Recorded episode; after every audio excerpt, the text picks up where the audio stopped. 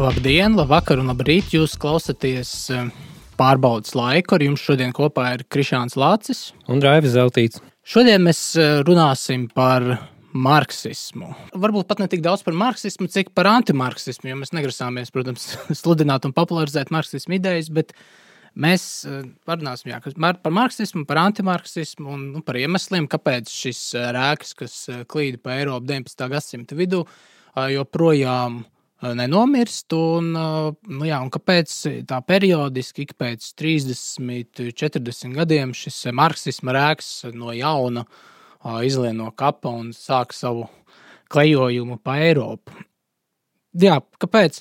Man liekas, Latvijas sakarā nu, ir tā interesanti, jo nu, skaidrs, ka Latvijā marksisms, no, nu, tāds marksisms, leņķisms it kā nomira pirms 30 gadiem. Mums publiskajā telpā nav īpaši daudz diskusiju arī, protams, par marksismu, bet uh, nu, nenoliedzami, ka tai vēsturiskajam attālumam pieaugot starp uh, padomju marksistisku okupācijas režīmu un šodienu, un neizbēgami pieaugot to cilvēku skaitam, kuri dzimuši teiksim, 80. vai 90. un izgājuši visu rietumu, izglī... jaunāko rietumu izglītības sistēmu, teiksim, mācījušies kaut kur ārzemēs, Lielbritānijā, Amerikā, Francijā, Holandē nu, viņi tomēr sastopās ar tādu citādāku un daudz pozitīvāku marksismu novērtējumu nekā mēs. Tad viņi tur iemācās, viņi atbrauc uz Latviju, un tad viņi teiksim, sāk mums stāstīt no jauna, ka Marks ir dišs, um, socioloģiskais domātājs. Un, ka, ne, un, un, tas vēl par Marksu, bet nu, par dažādām citām no marksismu atvasinātām vēlākām, tur franču teoriju, kritisko teoriju.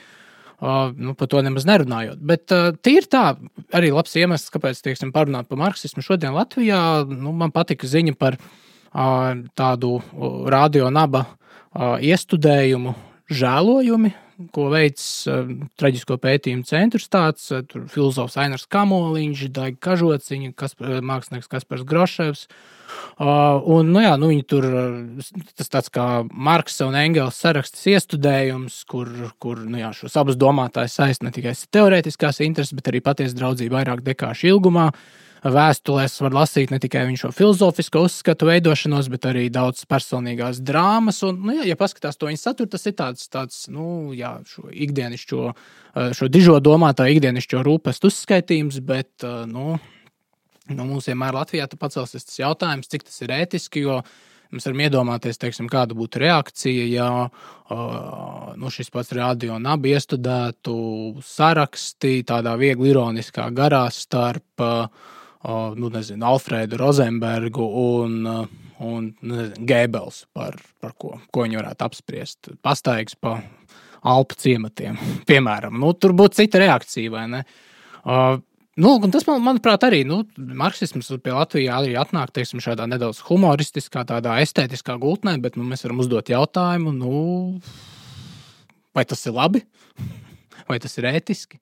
Tā ir normalizācija vai, vai gatavināšana, atkarībā no kādu vārdu izvēlamies. Zīmīgi arī, ka nu pat bija um, genocīda pret latviešiem um, piemiņas diena, kad uh, komunistiskais režīms Padomju Savienībā iznīcināja vairāk nekā 16,000 latviešu.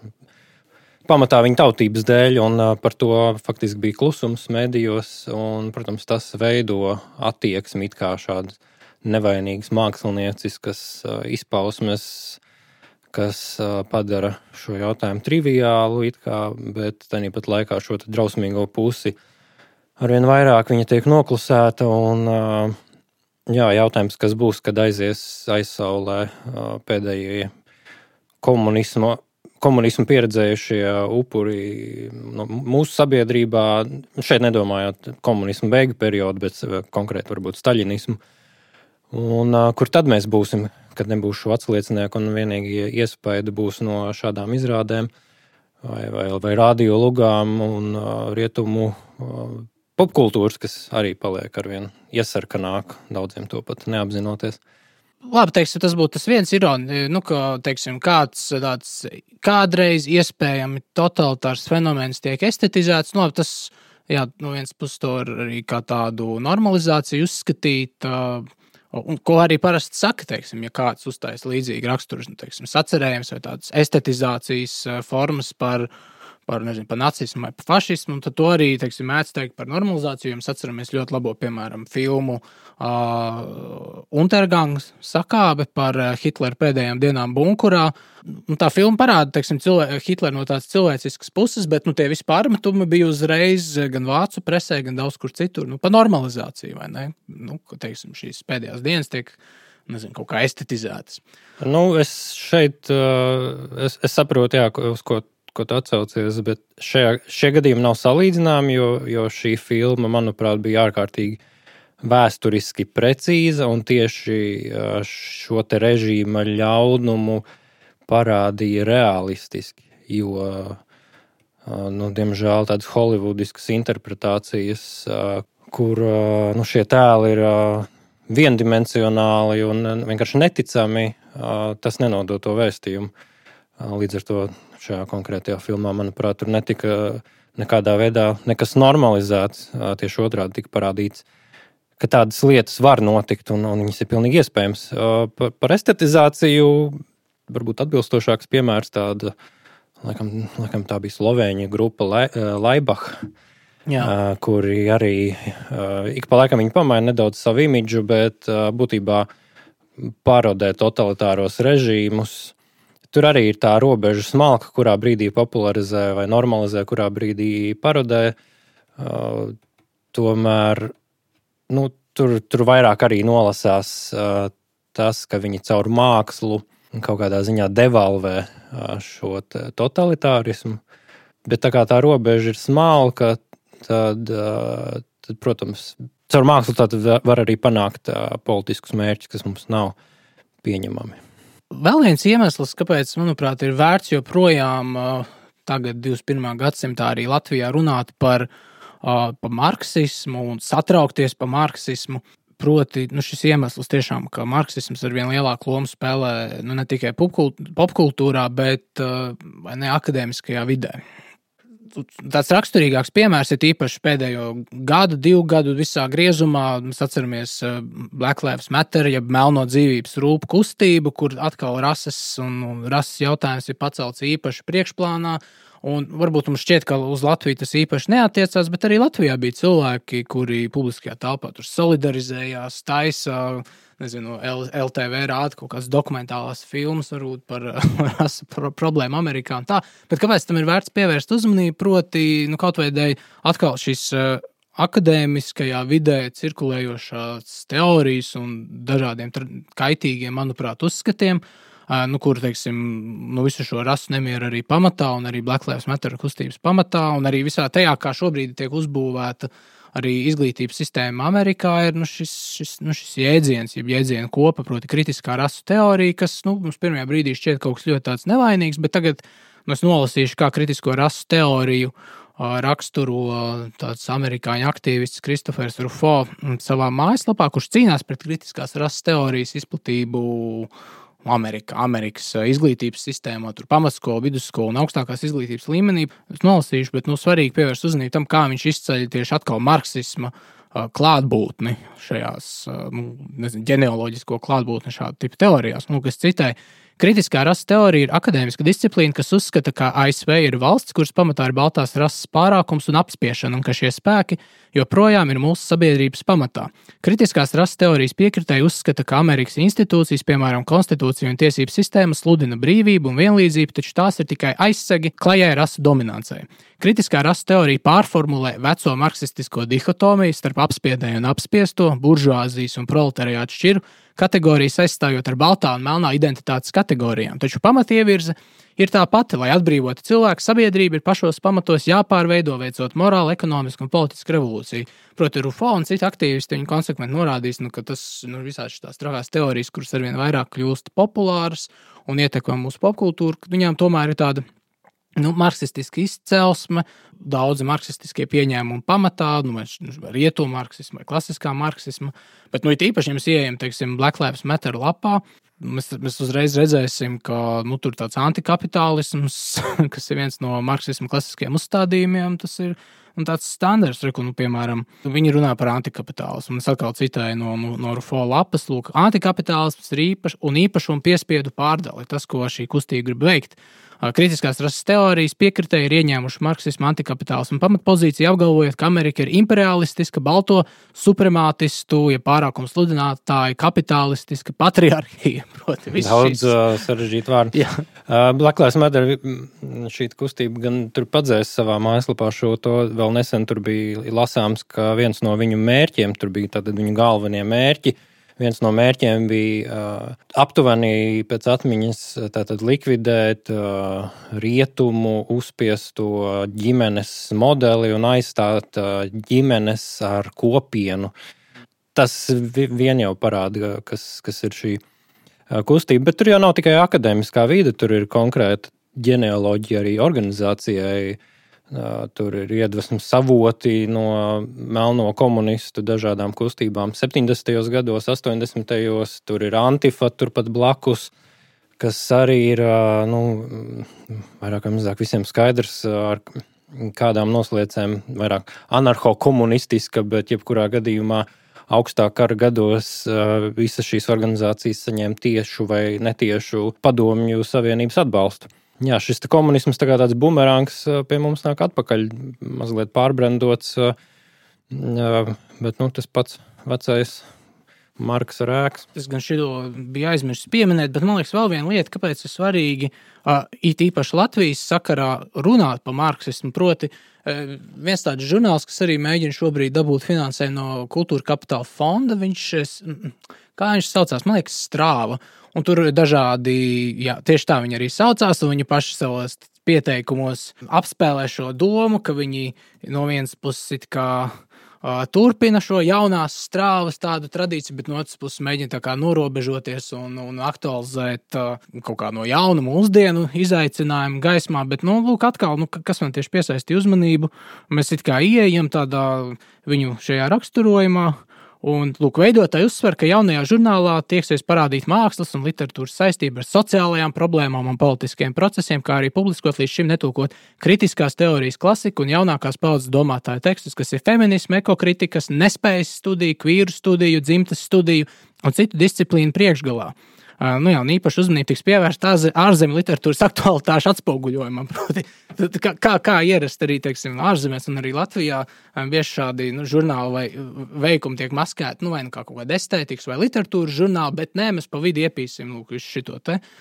Nu, šīs trakās visas teorijas, kritiskās teorijas, kuru tas cilts tēvs ir Marks lielā nozīmē, vai ne? Un tāpēc, manuprāt, ir ir vērts tam pievērst uzmanību. Bet es tev jautāšu, varbūt tev ir kaut kāda sava versija. Kāpēc marksisms ir slikts? Tavuprāt.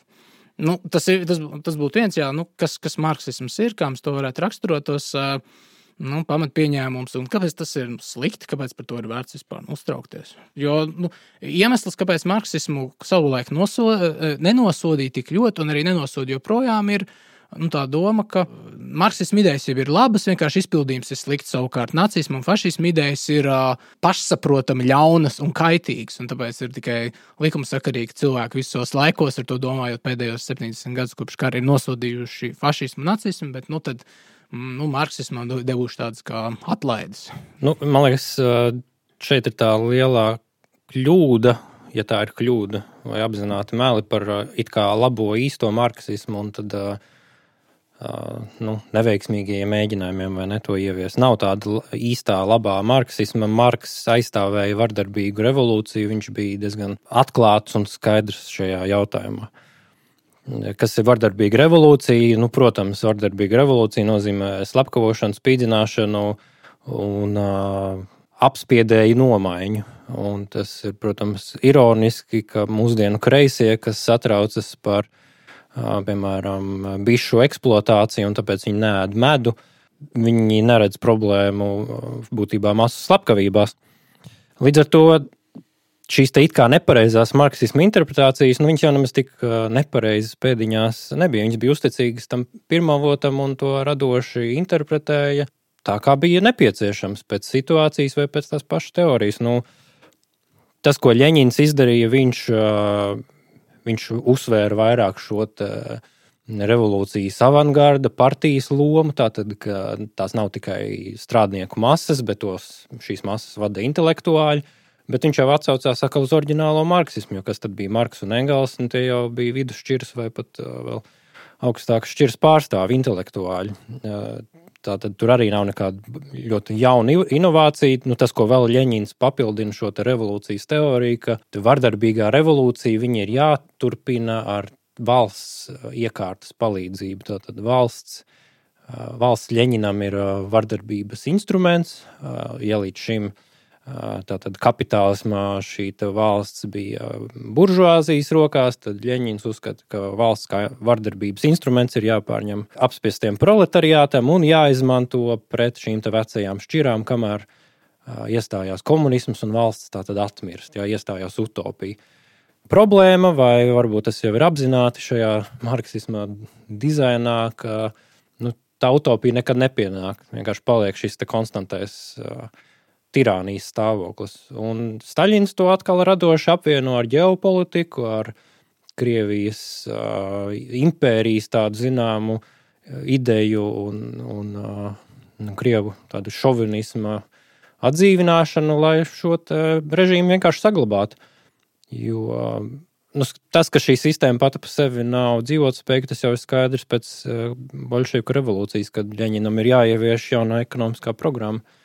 Un tad jau daudzi spriež, ka nu, laikam jau tam komunismam ir gals un kaut kā viņš reformēsies, normalizēsies, bet tad nāk Staļins un vienkārši pastiprina apspiešanu un tad izmanto šo krievu imperialismu. Un, un citi piemēri Ķīna, Kuba uh, ir vienkārši vēl citas interpretācijas par to pašu tematu, kā tātad komunisti izmanto valsti kā represīvu aparātu revolūcijas vārdā. Un saknes tam visam ir Marks teorijā. Un līdz ar to nav labā marksisma, es atkārtoju, nav tāda īstā.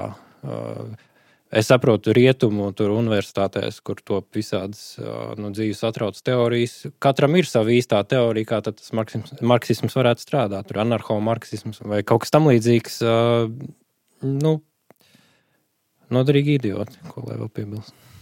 Nu, jā, nu, tev vienmēr tā atbilde būs, kā jau tu minēji, un ko arī Jordans Petersons ir daudz apspēlējis, nu, ka tas nebija īstais marksisms. Un tas būs arī, teiksim, pie mums Latvijā daudz partijas progresīvie tādi nu, biedri un arī visi tie jaunieši, kurus tur sauc par sociāldemokrātiem vai vienalga sociālistiem, vai pat demokrātiskajiem sociālistiem. Un, un kā tik apzīmējumi nav ekonomiskie solidāristi un tam līdzīgi, viņiem tomēr ir nu, viņiem var teikt, ka nē, nu, ir, ir pilnīgi bezjēdzīgi viņu prāt runāt visu laiku par šo Latvijas pieredzi un Austrum Eiropas pieredzi un vispār bolševismu leņķismu pieredzi, bet viņi ignorē to, ko, piemēram, tāds slavens arī marksismu vēsturnieks Lešeks Kolakovskis ir diezgan labi parādījis savā lielajā daudzdaļīgajā darbā par marksismu vispār teorijas vēsturi, ka marksisms, leņķisms vai bolševisms ir pilnīgi tāda leģitīma uh, Marksa teorijas interpretāciju, nu, ka vienkārši Leņķins aizpilda nu, tādus tukšos caurumus, kurus pats Marks vēl nebija izstrādājis un attīstījis. Tā, nu, tie ir tieši nu,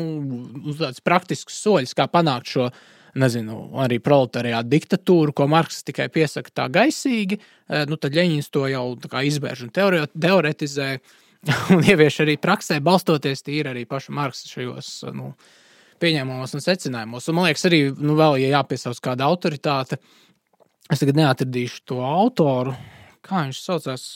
Bet uh, tāds dāņu autors. Un, un viņš ļoti labi Latvijas lielais gulaks, Jā, Bens Jensens. Bens Jensens sarakstīja tādu grāmatu, Lielais gulaks, to izdeva 2007. gadā. Tas, tas viss teksts ir par to, ko mēs ļoti labi zinām un arī Latvijas pieredzi. Bet ļoti svarīgs tieši tās nodaļas, kur tas pats Bens Jensens pievēršās tieši tam, kā rietumos reaģēja pret, pret vispār pret marksismu, pret to visām zvērībām, kas notiek Ukrajinā, ar Krievijas revolūciju un arī teiksim, Staļinismu periodā. Un, nu, viņš tur dažādi raksturo to, kā rietumu intelektuāli principā pievērsuši visu notiekošo acu, mēģina kaut kā aizskaidrot prom. Bet, kas, manuprāt, ir svarīgi, viņš parāda, kā uh, šis autors, kurš ir izanalizējis gan to, to empirisko vēsturi, gan arī teorijas vēsturi, viņš ļoti labi parāda, kā uh, idejas par gulagiem uh, izriet diezgan loģiski no, nu, no tā, ko Marks saka, nu, caur, caur Leņķina starpniecību. Proti, eh, atceramies, tie, tie līmeņi jau ir vēl trakāki. Ir teiksim, cilvēki, kuriem saka, ka Staļins sabojāja vai sačakarēja, maigi izsakoties, šo skaisto Leņķina.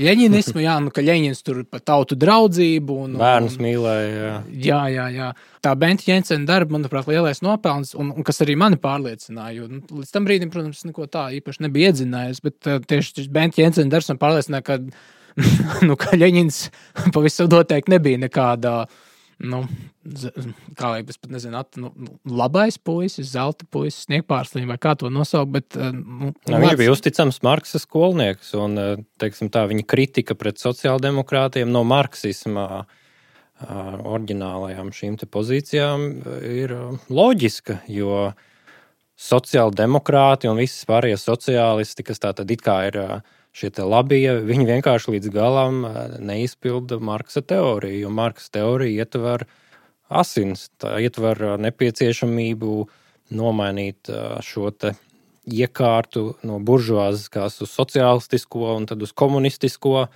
ar vardarbīgu revolūciju. Sociāldemokrātija uzskata, ka tas var notikt evolucionāri. Un, nu šeit tas nevar notikt ne šā, ne tā, bet vienkārši sociāldemokrātija ir eh, gļēvāki marksisti. Laikam par laimi Eiropai, mm. jo viņiem ir gājuši seceni šie marksisma mm, vardarbīgie uh, momenti. Nu, vismaz nav bijuši tik daudz kā pie mums, un acīm redzot, arī iemesls, kāpēc šīs ilūzijas rodas, viens no iemesliem paklausies, nolasīšu, ko nu, brītu konservatīvais filozofs Rodžers Skrūtons savā darbā par jaunajiem kreisajiem, kā viņš e, paša darba sākumā tādos e, divos paragrāfos tā konspektīvi raksturo šo mītisko tā saucamo īsto marksismu, kas ir Marksa tekstos, un, protams, tālāk viņš apskata, kā tas viss ir izvērsies un attīstījies caur to pašu kritisko teoriju, franču teoriju, dažādiem rietumu marksismu paveidiem, bet, nu, to sākumā viņš apraksta to kodolu.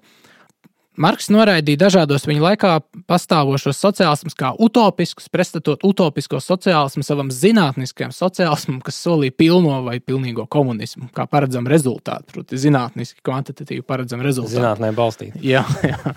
Šī stāvokļa vēsturiskā neizbēgamība apbrīvoja Marksu no nepieciešamības aprakstīt šo gala rezultātu komunismu. Proti, zinātnē Marksam ir šīs vēsturiskās kustības vai vēsturisko pārmaiņu likumi, kas izklāstīti viņa darbā Kapitāls un citur, un saskaņā ar kuriem ekonomiskā attīstība izraisa secīgas izmaiņas sabiedrības ekonomiskajā infrastruktūrā, ļaujot paredzēt ar zinātnisku precizitāti, ka reiz privāti īpašums izzudīs un atmirs pats no sevis. Pēc sociālistiskās šīs aizbildnības perioda proletariāta diktatūra un proletariāta diktatūras ieviešanas valsts iznīks. Tātad šo proletariāta diktatūru piesaka jau pats Marks vai neko, teiksim, dažādi mūsdienu sociologi, kurus slavē Marksu, viņi tā viegli tā paslauka. Tā vietā Ļeņina citāts Marksists ir tikai tas, kurš atzīst proletariāta diktatūru, ne tikai šķiru cīņu. Mm -hmm. Līdz ar to, un šeit viņam, viņš ir atsaucās uz Marksu. Jā, un tas ir tas, ko negrib atzīt mūsdienu kreisie. Nu, paklausies tālāk, kā, nu, kā Skrūtons raksturojot Marksa teoriju, um, raksturot to vēlamo stāvokli. Tātad valsts iznīks. Nebūs ne likumu, ne nepieciešamības pēc tiem, būs kopīpašums eh, visiem, uh, nebūs naudas, nebūs darba dalīšanas. Katrs cilvēks varēs apmierināt visas savas vajadzības un vēlmes, un citējot pašu Marksu, no rīta medījot, pēcpusdienā makšķerējot, vakarā kopjot lopus un pēc vakariņām nodarbojoties ar literatūras kritiku. Kā teiks Marksa darbā, vācu ideoloģiju. Kaut gan ar citu var nodarboties vakarā pēc darba. es, es vēl turpināšu par šo, bet man liekas, zīmīgi tā. Nu, Marksistu utopija, ka, tā, tāds labs skaidrojums, kāpēc tie gal galā ir tik daudz tādu intelektuāļu vai intelektuālā darba darītāju, kurus šo iekrīt. Tas tas lielais jautājums, kāpēc nu, parastie cilvēki, kā strādnieki, nu, kāpēc viņiem ir īpaši saskaņā arī ar Leņķina teoriju, kāpēc viņiem ir īpaši jāieskaidro uh, avangarda partijai, nu, ka marksisms un komunisms ka tas ir labs. Jo daudz strādnieku jau principā grib privātu īpašumu, vai ne? Nevis kopīpašumu. Bet, un, un, un, man liekas, šis ir labs tas moments, kas parāda. Ir jau arī tāda lieta kā darba tikums. Jā. Eiropā, vismaz Rietumē, Eiropā. Bet kāpēc tev šķiet, nu, intelektuāli pavēlkās vispār uz marksismu? Dēļ šī momenta literatūras kritika un nevajadzēs strādāt. kā tev, kā tev prāt šķiet? Jā, Labs jautājums. Nu, paklausies, ko strūklā. Uh, nu, no. Intelektuāļi vispār viņiem patīk aizrauties ar idejām, nejūtot nekādu atbildību pret uh, šo ideju sakām. Un, uh, jā, ir šī te, starp idejām un reālo dzīvi, tur ir aiza. Varbūt sekas kaut kādā ziņā tās sekas tam, ka filozofija ir aizgājusi kaut kādu no dzīves atrautu ceļu. Un it kā no vienas puses marksisms taču aicina pārveidot pasauli, vai ne, ne tikai par to filozofēt. No otras puses, nu, tā ir tikai filozofēšana būtībā šobrīd. Jo nu, kāds tām teorijām ir sakars ar jebko, it īpaši runājot par jaunajiem kreisajiem un, un viņu teorijām, kāds viņām ir sakars ar realitāti, kaut kādu balto pārākumu vai, vai apspiešanu, kad mēs paskatāmies, nu, kad, piemēram, Trumpa vēlētājs ir uh, zemākās vidusšķiras strādnieks, un savukārt modernais sociālists sēž Starbuckā ar savu iPhone un, mm. un, un nodarbojas ar to, ko Marks aicināja, vai ne, literatūras kritiku. Tā kā Nu šobrīd jau arī ir atrautība no realitātes. Ja mēs arī visos Covid jautājumos uh, paskatāmies tās dažādas politiskās nometnes, tur jau arī uh, Uh, arī tie paši mūsu, mūsu progresīvie nu, būs viena no tiem skaļākajiem brēcējiem nu, nezinu, par obligāto vakcināciju un, un, un ko vēl tik ne. Bet viņi iestājās par ekonomisko solidaritāti, solidaritāti par strādniekiem. Un tajā brīdī, kad citur teiksim, strādnieki rīko masīvas streikus, kādas bija Itālijā vai nu, kur vēl Amerikā bija streiki, uh, pret visu piespiedu vakcināciju un tam līdzīgi. Tur uzreiz, nu, lūk, šie strādnieki ir sliktie, viņi nav sapratuši savas patiesās intereses. Un, bet nu, to, to, to saka arī pa katru reizi, arī, piemēram, kad strādnieki Lielbritānijā nobalsoja par strādnieku šķirs pārstāvju, uzkrītoši nobalsoja par izstāšanos no Eiropas Savienības, nu, Anglijas tajos industriālajos reģionos. Uh, nu, tad uzreiz šie kadru marksisti vai šampāniešu sociālisti, kuri sēž Londonā, nu, tur tādos biezajos rajonos, arī Jeremijs Korbins. Uh, un, nu, viņi saka, ka nu, strādnieki nesaprot savas patiesās intereses. Būtu interesanti papētīt tādu vidējā mūsu Latvijas kreisā jauniešu tādu socioloģisko portretu, jo man ir radies iespējas, ka daudzi no viņiem ir uzauguši diezgan privileģēti Varbūt viņu revolucionārais dzinulis ir radies no kaut kādas vainas sajūtas par viņu vecāku izdarībām 90. gados vai kaut kā tam līdzīga. Es reiz pats par sevi aizdomājos, ka es, es vienkārši ne, neesmu uzaudzis tik labi, lai es varētu atļauties būt marksists šodien. Mm um, nu, paklausies, jā. ko Skrūtons saka uh, tieši par šo iemeslu. Uh, citēju, intelektuāļus dabiski piesaista ideja par plānveidīgu, perfektu sabiedrību, jo viņi tic, ka būs šīs sabiedrības vadītāji. Tā rezultātā viņi mēdz aizmirst, ka reālais sociālais diskurss ir daļa no ikdienas problēmu risināšanas un dažādu nianšu vienošanās un kompromisu meklējumi. Šis reālais sociālais diskurss novēršas no marksistu sludinātajām neatgriezeniskajām pārmaiņām vai vienvirziena vispār vēstures kustības pretīm gaišajai nākotnē. Tā ikdienas realitāte uzskata visas pasākumus par pielāgojumiem un ļauj izteikties tiem, kur vispār piekrišana ir vajadzīga. Ir vajadzīgs piekrist, pārliecināt cilvēkus tajā nu, ikdienas, tajā mūsu sociālajā dzīvē, ko marksisti palaiž garām. Bet, lūk, man liekas, nu, šeit viņš piemin to, to iemeslu, nu, ka intelektuāļus dabiski piesaista šī nu, pusdievu, filozofu, karaļa loma, un marksisms kaut kādā ziņā viņiem ļauj tiešām no rīta makšķerēt un vakarā nodarboties ar sociālo kritiku.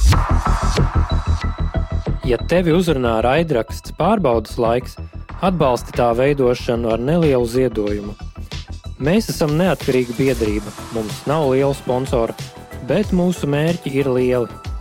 Ziedojot, tu atbalstīsi mūsu brīvību veidot kvalitatīvus ierakstus par Latvijai svarīgām tēmām.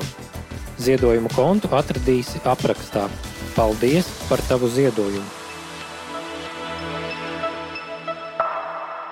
par to utopiju arī runājot. Pālam Jurevičam bija latviešu filozofam ļoti laba marksisma kritika pagājušā gadsimta 30. gados, un tur viņš jau pareizi norādīja uz šīm pretrunām, ka marksisma teorija jau īstenībā neparedz nekādas rūpes par citu cilvēku ciešanu atvieglošanu. Tur ir tikai vēsturiskais process, tur ir zinātniska sabiedrības pārkārtošana. Un kāds tur vēsturiskajā procesā tur ir indivīds, kāds vēsturiskajā procesā tur ir indivīds un viņa ciešanas un strādnieku grūtās dzīves atvieglošana.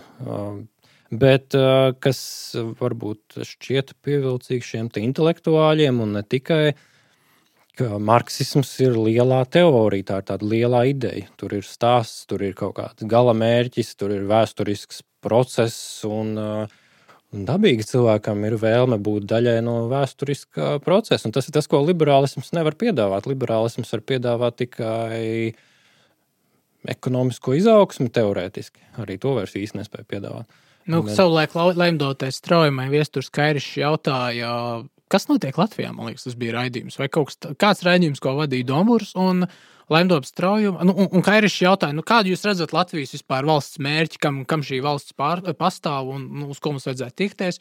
Un uh, straujums kundze tā ļoti apmulsa un, un, un teica, nu, nu, ekonomiskā labklājība.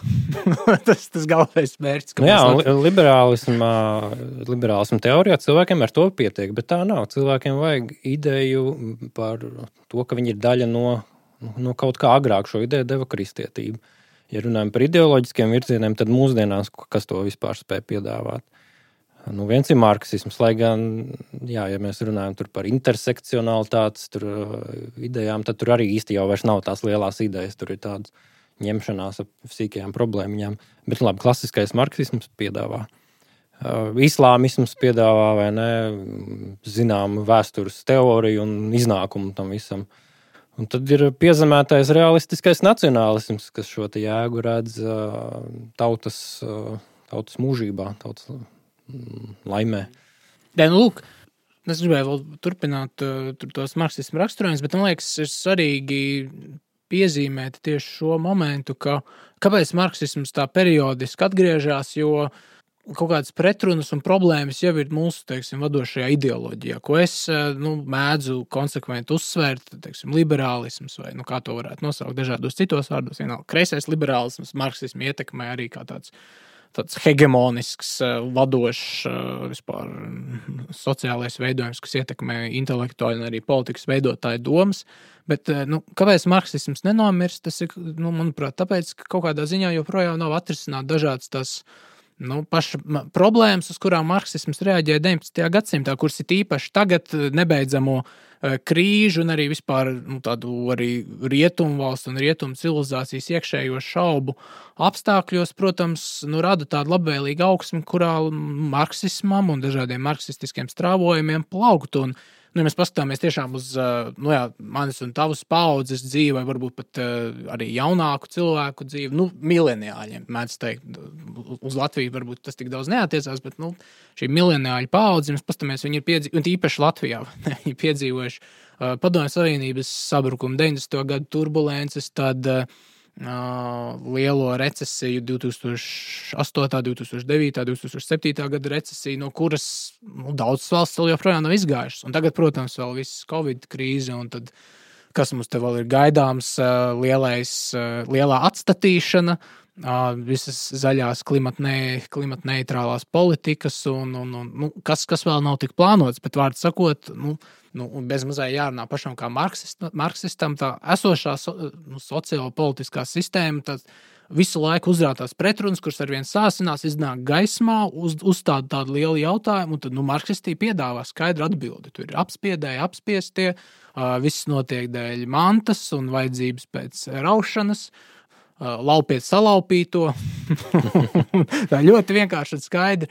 Un, nu, nu, jā, un mēs, jautājums ir tiešām nu, tā ļoti vulgāra un, un, un brutāla teorija, kura jau ir vairākas reizes parādījusi nu, savu nespēju, bet nu, cilvēki tajā iekrīt, jo tiešām mēs dzīvojam tādā nu, jā, sekulārā laikmetā, kur kristietība vairs nevarētu nu, savaldīt cilvēku dziņas un, un, un, un, un, un, un apmierināt cilvēku vēlmes pēc dalības kādā lielākā stāstā vai kopībā, tad nu, mēs esam atlikuši dažādiem šiem.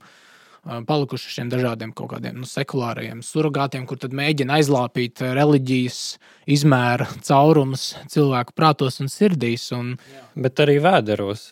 Jo nav jau tikai prāts un sirds, ir arī vēders. Un, un, un tiešām šīs ekonomiskās problēmas, nu, ir reālas. Un, uh, Arī par to pašu kristietību, kad katoļu baznīca 19. gadsimtā arī mēģināja saprast, kā reaģēt uz marksismu, radās uh, sav, katoļiem sava sociālā mācība, uh, savas ekonomiskās teorijas, distribūtisms, uh, korporatīvisms.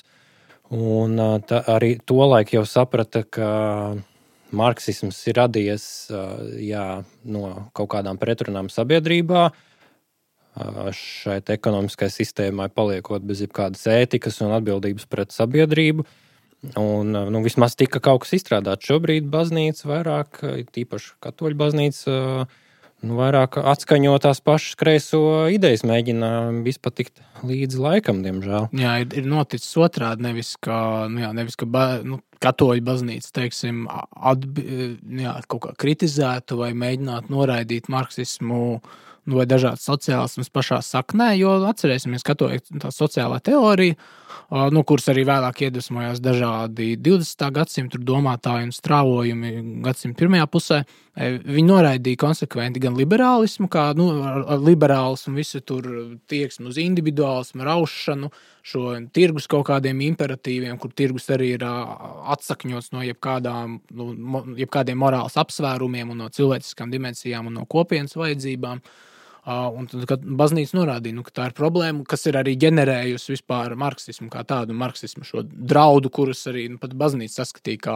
nu, jā, eksistenciāli daudz bīstamāks nekā vienkārši teiksim, šis plikais ekonomiskais liberālisms. Un, lūk, un, un, un tajā laikā baznīca to atzina, bet šobrīd katoļu baznīcā kaut kādā ziņā jēzuīti ietekmē tā saucamā atbrīvošanas teoloģija, tāda marksistiski ievirzīta teorija, kas īstenībā patiešām vairs pat nav teoloģija, jo, ja mēs paskatāmies tos viņa tekstus, tā, nu, tie, tie marksistu teksti, kur vienkārši galvenie personāži ir aizstāti ar ar kristiešu nu, apzīmējumiem, kristiešu tēmām, bet aizmugurē tā schēma var skaidri redzēt, ir nu, marksistismu. Tur, nu, tur, tur arī atsevišķi tās ir, bet tur arī ir bijusi Čekas ietekme savulaik augstā kara laikā, darbojoties katoliskajā Latvijā, Amerikā, iesmērēt komunismu caur uh, katolicismu.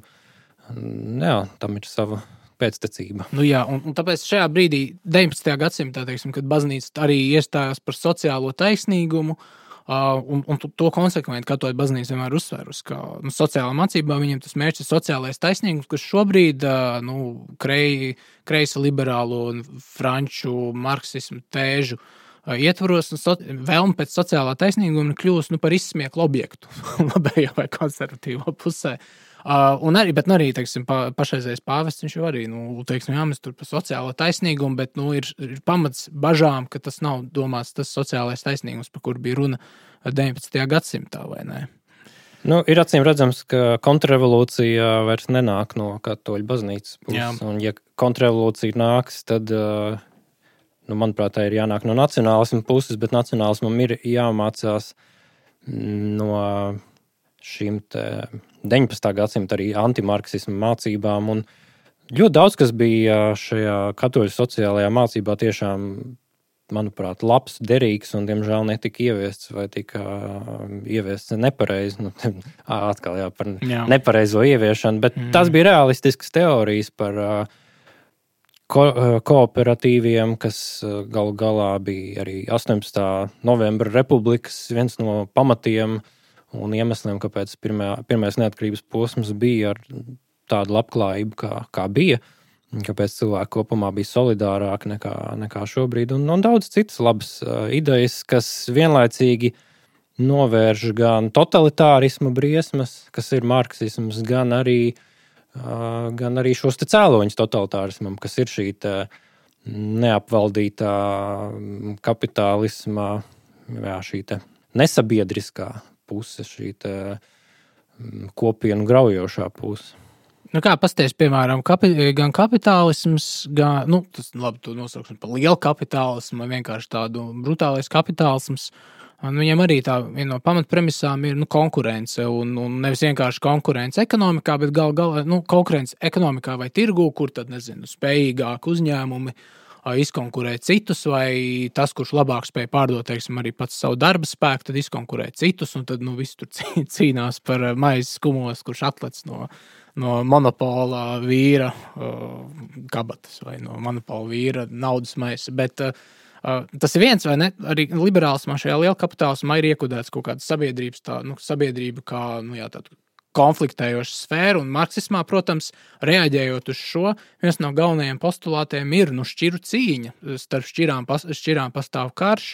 Nu, marksismu versijā tas ir cīņa vai karš starp ražošanas, īp, ražošanas līdzekļu turētājiem pret tiem, kuri pārdod savu darba spēku un padara to vienkārši par kaut kādu vieglu, tādu maināmu uh, preci nu, jā, kad katoļu baznīca 19. gadsimtā to arī norādīja, nu, ka tas ir kaut kādā ziņā tā dehumanizējoši, ka arī darbs, kam vajadzētu būt cilvēkam tādam piepildošam procesam, tiek padarīts vienkārši par kaut kādu nu, labumu, angļuiski saka, commodity, kas tiek, nu, ko vienkārši novērtēt ar, ar naudu un, un viss. Mm -hmm. un, un, ja vajag, tad var aizstāt ar lētāku darba spēku no nu, trešās pie... pasaules, kas ir vēl viens stāsts. Jā, nu, un arī šī šķiru cīņa, nu, tas mūsdienu tajās visās teorijās, tas tiek vienkārši ļoti vulgāri un, un brutāli novienādots līdz, uh, nolīdzināts līdz uh, cīņai starp nezinu, apspiedējiem un apspiestajiem. Uh, un, un, nu, un, un, nu, manuprāt, teiksim, arī šajā šādā svarīgā punktā, marksismu punktā, nu, ko var piedāvāt tāds nacionālisms, uh, šķiru sadarbību. tas būtu tas acīm redzamais, šķiru sadarbība, nevis šķiru cīņa. Un... Jautājums arī, kas ir šķira un vai vispār šķira mūsdienās pastāv? Jo tas arī var, var diskutēt, jo agrāk bija kārtas, bet nu, neviens vien domātājs arī norāda, ka kārta un šķira ir dažādas lietas. Jo kārta nozīmē arī lepnumu par piedarību zināmai sabiedrības grupai viduslaikos tirgotāji lepojās, ka viņi ir tirgotāji vai amatnieki. Jo tur bija šī personiskā kaut kāda saite ar savu amatu, ar godu, ko šis amats nes, amats tika pārmantots. Tas viss tas, ko Marksisms pilnībā ignorē šajā šķiru cīņas teorijā.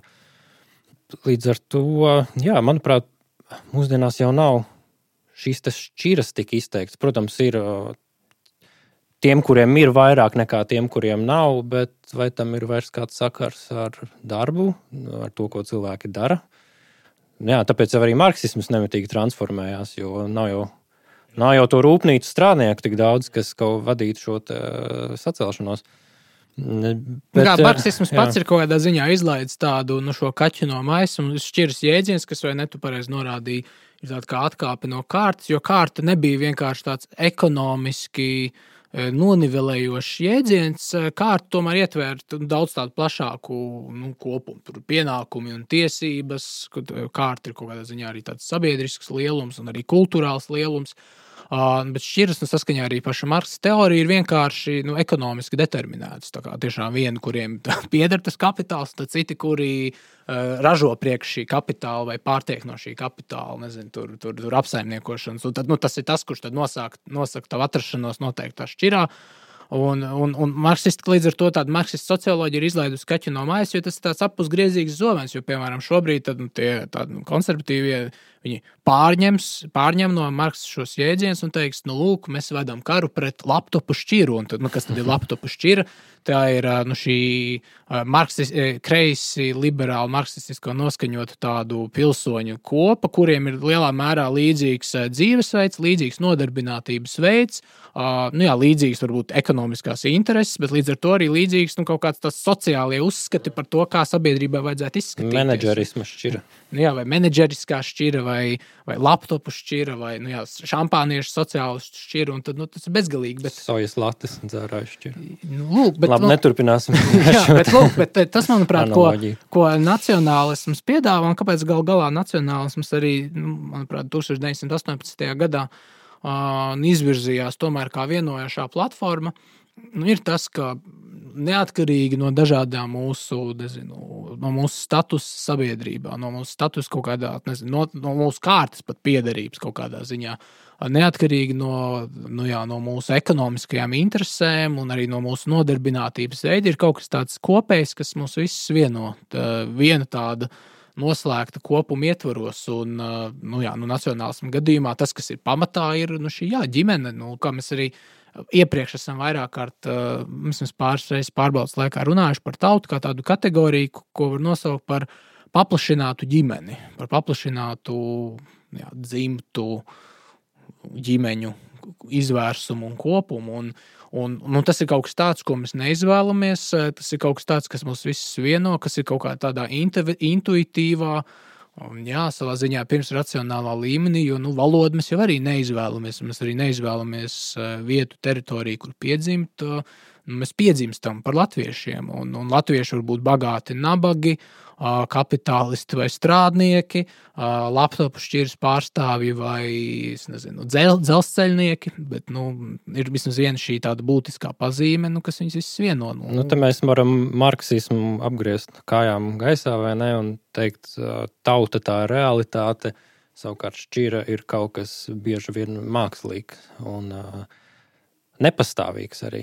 Jo tautības apziņa ir daudz ilgāka nekā tā sociālā iekārta, uz ko atsaucās Marks un Engels. Nē, nu, protams, arī Latvijas politikā nu, nu, šī nacionālisma izvirzīšanās nu, vienmēr ir bijusi. Nu, mēs varam to, protams, problematizēt. Nu, ka, nu, ka latviešu nacionālisms lūk, vienmēr ir bijis kaut kādā ziņā arī tā sociālistiski ievirzīts, ka ļoti svarīgs ir bijis šis zemes jautājums un agrārais jautājums. Un tad latviešu nacionālismā, nezinu, tur zemnieki intereses pārklājās, nu, tajā brīdī zemnieki intereses pārklājās ar ar arī nu, jā, šīm latviešu tautas etnisko centienu interesēm. Tas nozīmē nostāties pret uh, baltvāciešiem kā to nu, eksploatētā šķiru. Nu, bet ko tas nozīmē šodien? Ne, nu, mūsu nacionālisms un nacionālisms, kas izveidoja Latvijas valsti, ir bijis ar sociālā jautājuma kaut kādu apziņu. Tās bija reāls problēmas, kas bija jāatrisina to laiku. Es arī nedomāju, ka nacionālisms var izdzīvot, ja viņš ignorēs šo sociālo problēmu aspektu. Viņam ir jāatbild uz šī laikmeta izaicinājumiem, uz šo te, jā, varētu teikt, monopolistisko kapitālismu, kāds tas ir šobrīd faktiski globālā, globālā līmenī. Un šeit man atkal gribētos atgriezties pie šīm katoļu sociālajām atziņām. Piemēram, distribūtismu teorija, kas ir noteikti svešvārds daudziem viņa šo marksismu uzstādījumu par, un arī kapitālismu uzstādījumu mazliet citādāk skatījās. Proti, galvenais jautājums nav šī piederība privāta īpašuma. Tad kapitālismā galvenais ir, lai ir privāta īpašnieks, marksismā, lai ir valsts. Distribūtisti saka, ka galvenais ir, lai privāta īpašums vai īpašums ir maksimāli daudziem kad cilvēkiem pieder kaut kas, tad arī radās šī kaut kāda sociālā kārtība, miers.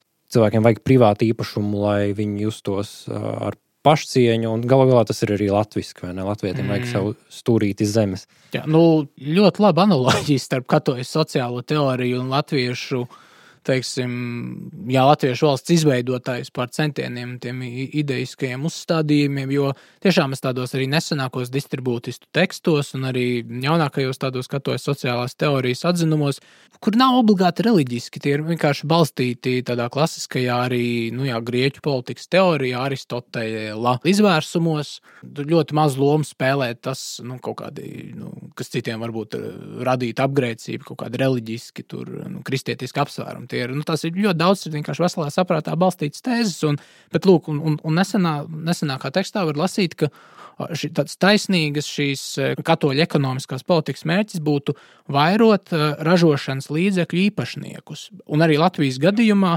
tas ļoti konkrēti, vismaz tajā brīdī, 1918. un 19. gadā, tas nozīmē, nu, ka ražošanas līdzekļi mums šeit, tas uzkrītošākais, kas ir, protams, ir nu, zeme apstrādājama zemes, kuras var kaut ko audzēt. Audzēt, protams, vispirmāk sev pašam pārtiku, sev iztiks līdzekļus, bet kur vienlaikus ir arī ražošanas līdzekļi, kurus tad nu, izstrādātu produkta formā var pārdot nezinu, citiem, nopelnīt savu naudu nezinu, elektriskai ierīcei. Es teiktu, ka agrārā reforma un vispār Latvijas valsts virziens pirmajā neatkarības posmā bija viens no tādiem vērienīgākajiem un arī veiksmīgākajiem šī distribūtismu piemēriem. Varbūt pat neapzinoties šīs idejas saknes. Un, ja mēs runājam par nacionālismu, ekonomisko un sociālo programmu šodien, tad, manuprāt, tai arī būtu jābalstās šajā apziņā, ka privāta īpašums, īpašums, ražošanas līdzekļi, tā maksimāla izplatība pēc iespējas vairāk latviešiem galu galā viens no fundamentiem. Un ko līdz nonāk jautājums līdz nodokļu reformai vai citam jautājumam, tad ir jāatgriežas pie šīs pamatatziņas. Nekustamā īpašuma aizsargātība, mazo uzņēmēju drošība un, un spēja darboties šajā ekonomikā ir pāri kaut kādām tur varbūt it kā pareizām brīvā tirgus teorijām, kur rezultātā varbūt šeit sāk dominēt kaut kāds monopols, kā rezultātā šeit tiek ieviests lētais darba spēks un nacionālisms un, un šī sociālā mācība sakrīt.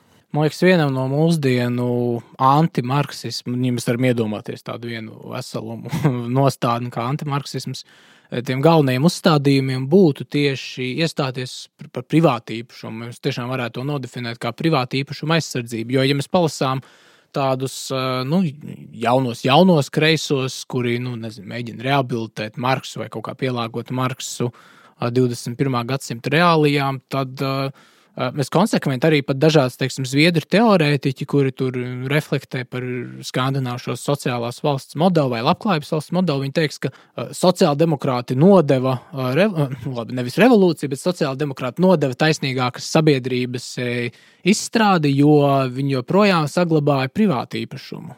Proti, privāta īpašums ir tas klupšanas akmens, kura dēļ, teiksim, nezinu, joprojām tādā Zviedrijā, viņu prāt, vai Norvēģijā nav izveidota taisnīga sabiedrība, cilvēkiem joprojām kaut kas tur pietrūkst, jaunajiem Zviedriem, migrantiem, pilsoņiem, nezinu.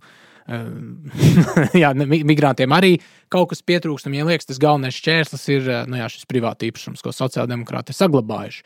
Un es teiktu, ka mūsdienās arī nu, nacionālistiem vai nacionāli konservatīvajiem man tieši privātu īpašumu aizsardzībai būtu jābūt vienam no tiem primārajiem jautājumiem. It īpaši situācijā, kad ļoti mīklainā veidā nu, ultra.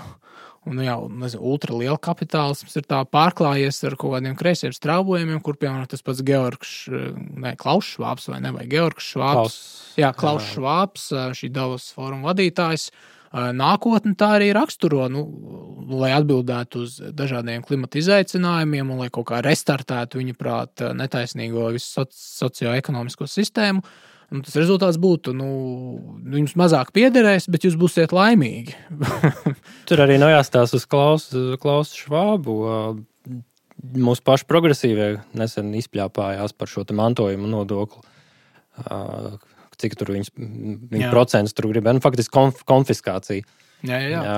Un, man liekas, šis ir punkts, kas ir arī saprotams daudziem cilvēkiem, un kas varētu būt tāda mūsdienīga antimarksisma pamatā, neejot varbūt akadēmiskā diskusija līmenī. Jā, nu, piemēram, tas mantojuma jautājums ir tiešām ļoti laba āža kāja, uh, nu, kurā atsedzās kaut kādi marksistiskie. Marksa bārda. Jā, Marksa bārda pēkšņi uz brīdi izlien.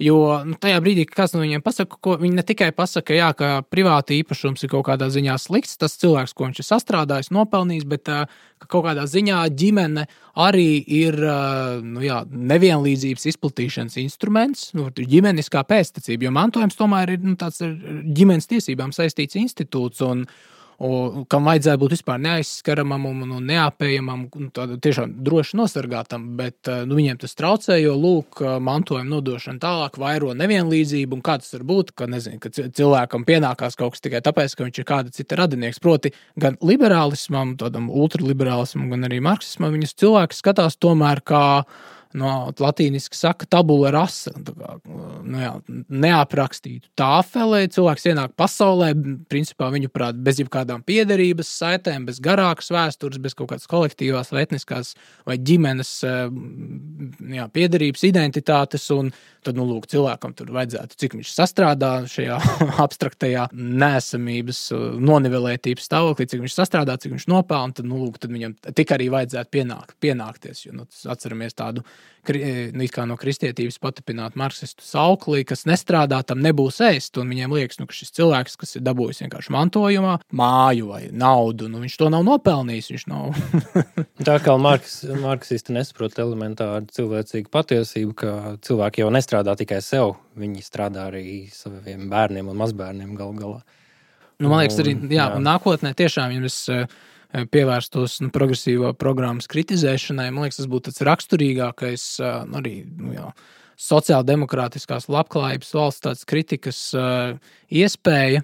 Uh, norādīt, ka tas ir ļoti individuālistiski, tomēr pieeja. Tāda atomiņa sadala cilvēkus tādos izolētos patērētājos, un, un arī Skandināvija arī gal galā ir radījusi tādu nu, uh, vienkārši patērējošu individu, par kuru patēriņu raugās labvēlīgā, tāda paternālistiskā valsts modrā acis, kura nu, viņam tur nodrošina dzīvokli, kaut ko pastutē viņu, ja viņš kaut kur pakrīt. Uh, bet gal galā tas rezultāts tādi vientuļi, viens no otra atdalīti cilvēki. Jo, nu, ko nozīmē šī arī labklājības valsts, nu, lai vecie ļaudis un bērni netraucētu, viņi tiek nodoti nezinu, valsts apgādē. Bērnu dārza vai veco ļaužu aprūpas nama formā. Tad, nu, katrs ir pa sevi. Nu, labi, valsts to atšķelto individu tur apgādā, bet nu, līdz ar to izzūd daudz tādas lielākas un svarīgākas, sociāli salīmējošākas kategorijas, nu, kā tauta, piemēram. Kurai tad būtu jābūt tai primārajai vietai, kurā vispār sociālā taisnīguma jautājumi tiek risināti. Nu, tāpēc, ja jūs negribat nonākt šajā bezjēdzības un nelaimības pasaulē, esiet antimarksisti bez kompromisiem. Kārtīgi jāiznīcina. Jā, nu, marks, marksisms ir vienkārši jāiznīcina. Labi, jūs eh, šodien klausījāties pārbaudas laiku, un ar jums šodien bija kopā Krišāns Lācis. Raivis Zeltīts.